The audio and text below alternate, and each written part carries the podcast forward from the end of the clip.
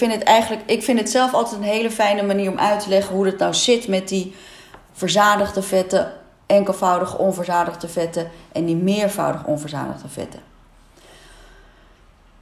We weten dus de verzadigd, nog eventjes in de herhaling.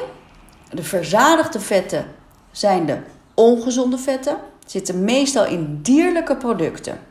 Dus de verzadigde vetten zitten meestal in dierlijke producten. Verzadigd wil dus zeggen, er is geen koolstofverbinding die gesplitst kan worden in dat molecuul van die vetzuur. Het is een korte ketenlengte van die vetzuur.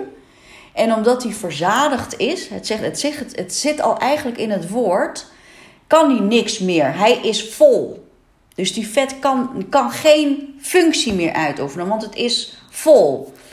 Het enige wat hij kan doen, is zich klonteren aan die binnenwand van jouw aderen bijvoorbeeld. Waardoor aderverkalking ontstaat. Waardoor het risico op hart- en vaatziekten ontstaat. Waardoor bijvoorbeeld cholesterolophoping kan ontstaan. Dat is die functie van die verzadigd vet. Hij is verzadigd, hij is vol, hij heeft geen mogelijkheid om een andere stof aan zich te binden. Verzadigde vetten, ongezonde vetten, dierlijke producten, die verhogen onze kans op het verhogen van cholesterol.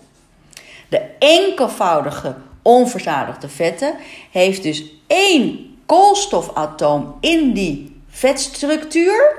Heeft vaak een middenketenlengte vetzuur. En door die koolstofmolecuul die daartussen zit, die verbindende factor, kan die vet zich losmaken. Waardoor er dus twee ketenlengtes komen. Maar aan dat armpje van die koolstof kan die vetzuur dus in functie vervullen. Daar kan die vetzuur bijvoorbeeld een vitamine pakken, de in vet oplosbare vitamines. Nog een keer als ezelsbruggeltje onthoud het als kade, K-A-D-N-E. Alles wat op de kade is, hè, zit dus niet in het water. Dat zijn dus de in vet oplosbare vitamines. En door die enkelvoudige onverzadigde vet kan die gesplitst worden en kan dus daar een vitamine vastgrijpen. En dan hebben we vervolgens ook nog de meervoudige onverzadigde uh, vetten. Die hebben dus een langere koolstofketenlengte. Hè? En die hebben dus meerdere koolstof, daarom heet het meervoudig onverzadigd vet. Die hebben dus meerdere koolstofmoleculenverbindingen, die dus op meerdere plekken uit elkaar gevallen kunnen worden en dus meerdere functies kan uitoefenen, namelijk meer vitamines gaan vastpakken, een antilichaam kan vastpakken, een enzym kan vastpakken en daardoor dus een veel belangrijkere, grotere rol krijgt in deze, um, um, ja, in deze vetten. Dus verzadigd vet, lichaam kan er niks mee. Dat is de boosdoener die veroorzaakt uh, een verhoogd cholesterol. Enkelvoudig onverzadigd vetzuur, prima, prima uh, product. Dat is bijvoorbeeld omega 9, enkelvoudig onverzadigd vetzuur, omega 9 in de praktijk olijfolie. En dan hebben we dus de meervoudige onverzadigde vetzuren, meerdere koolstofketenverbindingen, meerdere functies om andere uh, verbindingen te maken. En dan hebben we het over omega 3 en omega 6 vetzuren, zaden, pitten, noten, olijf, uh, nee, sorry, niet olijfolie, maar zonnebloemolie, vette vis enzovoort.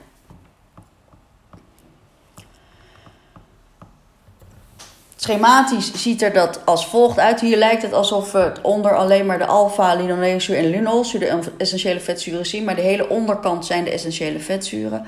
En dan moeten we ook nog iets zeggen over die transvetten. We zien dus in het midden bovenaan zie je de onverzadigde vetzuren. Die onverzadigde vetzuren, even in het midden of het nou enkelvoudig onverzadigde vetzuren zijn of meervoudig onverzadigde vetzuren. Die, die vetzuren in het midden, die onverzadigde vetzuren, die zijn functioneel voor je lichaam. Die kan je gewoon niet zonder. Die heb je echt nodig. En daarom mag dus ook die hè, jouw totaal energie voor 20 tot 40 procent uit vet bestaan. Het is gewoon echt essentieel. En we zien aan twee kanten twee vetvormen die we dus niet nodig hebben. Anders, enerzijds zien we dus de verzadigde vetzuren, waar we het net over gehad hebben. Ontkomen we niet aan, want dat zit gewoon in voeding, vooral dus in de dierlijke producten. Maar dan zou je denken van ik eet geen vlees, dus krijg ze niet binnen. Het zit dus wel ook in dierlijke producten. Denk aan kaas. Kaas is super verzadigd vet. Denk aan Ehm, gewoon vette zuivel, hè, volle kwark, volle yoghurt, verzadigd vet, slagroom, verzadigde vetzuren. Hè, dus ook de geleideproducten van dierlijke producten zijn vaak de verzadigde vetten. Die zorgen er dus voor, dat zijn dus de producten die in onze voeding, uh, waar, uh, waar wij een risicoverhoogd cholesterol door krijgen. Niet per se dus de cholesterolrijke producten. Dat dachten we vroeger wel zo. We dachten vroeger, we moeten niet te veel eieren eten, want in het eigeel zit heel veel cholesterol. En dat eh, helpt ons het cholesterol te verhogen. We weten dus inmiddels dat dat helemaal niet de oorzaak is van het verhoogd cholesterol. Daarom zeggen we tegenwoordig, je mag prima elke dag gewoon een ei eten. Het cholesterol wordt verhoogd door die verzadigde vetzuren die in, eh, in uh, dierlijke producten zitten. Hoeveel verzadigd vet mag je per dag eten? Goeie vraag. We zeggen eigenlijk dat verzadigde vet maximaal een derde mag zijn van je totaal uh, totale vetinname, Michelle. Dus dat, dat kan ik dus nu niet zeggen, want die percentage, dus puur in grammen vet, is dat per persoon dus veranderd. we weten dus percentatief van de totale energieinname mag een persoon tussen de 20 en de 40 procent aan vetten zitten. Hoeveel calorieën en hoeveel grammen is, dat is dus per persoon afhankelijk. Uh, verschillend. Maar per uh, van deze 10 tot 40 uh, sorry, 20 tot 40 procent energiepercentage vet mag dus eigenlijk maximaal, maximaal een derde verzadigd vet zijn. Liefst zelfs minder hoor. Als je nul verzadigd vet binnenkrijgt, dat is echt, nou ja, kan bijna nooit, maar, maar dat, zou natuurlijk helemaal top zijn. Dus die zetten we aan de kant. Daar kan je lichaam niet zoveel mee met die verzadigde vetten. We, we, we krijgen ze naar binnen, maar je kan er niet zoveel mee. Aan de andere kant zien jullie vet, transvetzuren staan. Transvetzuren, dat zijn echt de grootste boosdoeners. Dat zijn echt gifstoffen. En ehm, vroeger werden deze transvetten gebruikt in smeerbare broodmargarines. Dat is precies de reden, jongens, dat mensen nog steeds denken: als ik margarine smeer, is het gelijk aan wat hebben we gehoord, aan plastic. Of het is uh, alleen maar één nummers. Of, uh, dat komt hier vandaan. Dat komt uit dit, deze oude geschiedenis van die margarine komt dat vandaan. Toen werd er inderdaad transvetten in die margarine gebruik, gebruikt om het smeerbaar te krijgen. Dat is ook echt, echt, echt een gifstof. Nou, toen heeft, hebben een paar Nederlandse uh, voedingswetenschappers, onder andere Martijn Kartan, die heeft zich hard gemaakt om transvetten bij de wet vast te leggen dat er niet meer dan 1% van uh, een, totaal aantal in een product mag zitten. Dat is bij wet vastgelegd. Dus de margarines die we vandaag op ons brood smeren, Basal Light, Basal Diet, whatever, daar zit geen transvet meer in. Hoe krijg je het dan smeerbaar? Omdat er meer plantaardige vet in toegevoegd is. En we weten, plantaardige vetten zijn meestal, zijn meestal, zijn altijd onverzadigde vetten. Die zijn dus vele malen gezonder dan die dierlijke verzadigde vetten van die roomboter. Snap je wel? Precies deze reden adviseren we gewoon, zeker bij kinderen, margarines op brood te nemen, smeerbare margarine op brood te nemen in plaats van roomboter op brood te nemen. Daarbij wordt deze margarine is dus veel, veel meer omega-vetzuren. Er wordt vaak ook nog wat eh, vitamine D toegevoegd. Veel functioneler, zeker voor opgroeiende kinderen, dan dus roomboter op je brood te smeren. Nogmaals, die transvetzuren, jongens, die mogen we eigenlijk niet meer dan 1% van ons totale energie mag mogen we daar naar binnen krijgen. Het liefst helemaal niet. In Nederlandse fabrieken is dat dus per wet verboden tot 1%. Nederlandse fabrikaat. Dat wil dus niet zeggen dat wij ze niet naar binnen krijgen. Want als wij hier nu in Amsterdam hebben we nu, oh nee, in heel Nederland hebben we nu geloof ik allemaal die Dunkin Donuts. Die Dunkin Donuts is een bom van transvetzuren. Snap je? Dus dat is zo raar. Nederlandse wet, Nederlandse fabrikanten, hè, is bij wet is dat vastgelegd, wat wel en niet mag, qua hoeveelheid transvetzuren. Maar we importeren natuurlijk wel gewoon uh, voeding uit andere landen, waarbij dat niet zo vast is gelegd. En we krijgen dus dan even goed die transvetzuren naar binnen. Nou, bedenk maar zo, de transvetzuren die zitten vooral in producten die enorm bewerkt zijn.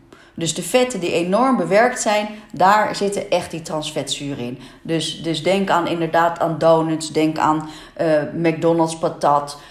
Um, uh, denk aan um, uh, hoe heet het, die afschuwelijke hotdogs. Dat zijn, al, dat zijn allemaal producten waar heel erg veel transvetzuren in zitten.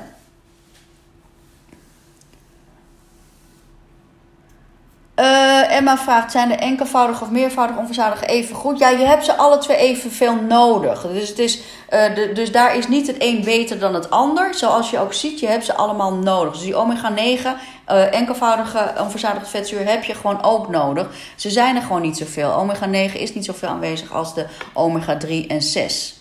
Is dat het antwoord op je vraag, Emma? Dus het, is, een is niet beter dan het ander. Je hebt ze alle twee nodig. Het heeft gewoon puur te maken met de structuur. Dus uh, eventjes onverzadigde vetzuren. Ja, functioneel. 20 tot 40 procent van onze energie mag uit die vetzuren bestaan. Bij voorkeur niet meer dan een derde van die 20 tot 40 procent uit verzadigde vetzuren. Het zijn bijna onoverkomelijk om die, dat we die naar binnen krijgen. Transvetzuren kun je echt, heb je echt zelf de hand in om die niet naar binnen te krijgen door gewoon minder, onver, minder bewerkte of helemaal geen bewerkte voeding te eten. Die onverzadigde vetzuren zijn vervolgens te splitsen dus in die enkelvoudige omega-vetzuren en de meervoudige omega-vetzuren. Enkelvoudige omega-vetzuren zijn dus de omega-9's, oliezuur. En de meervoudige omega-vetzuren zijn de omega-6 en de omega-3. Omega-3 zijn dus die vetzuren, visvetzuren, dus nogmaals echt alleen maar in vette vis uh, komen en dus niet in noten te vinden zijn. Dat is dus die EPA en de DHA. Deze omega-3 vetzuren, nogmaals, zit dus alleen in vette vis, niet in andere omega-vetzuren producten zoals noten, zaden, avocado enzovoort. En dat is dus precies ook de reden waarom een van de zeven verplichte voedingsregels van de Gezondheidsraad zegt: één keer per week vette vis. Hierom omdat het dus niet in andere producten zit. Alpha-linoleenzuur en omega-linolzuur, dat zit in noten, dat zit in uh, um, uh, zaden natuurlijk, dat zit in, in zonnebloemolie, dat zit in. Um, uh, wat hebben we nog meer? Avocado's. Dus daar zitten heel veel van deze essentiële andere vetzuren in. Is dit tot zover helder, jongens? Is dit tot zover helder? Het is gewoon duidelijk dus belangrijk om te weten dat je hoe die opbouw van die vetzuren zijn en hoe die, uh, welke bronnen die zitten.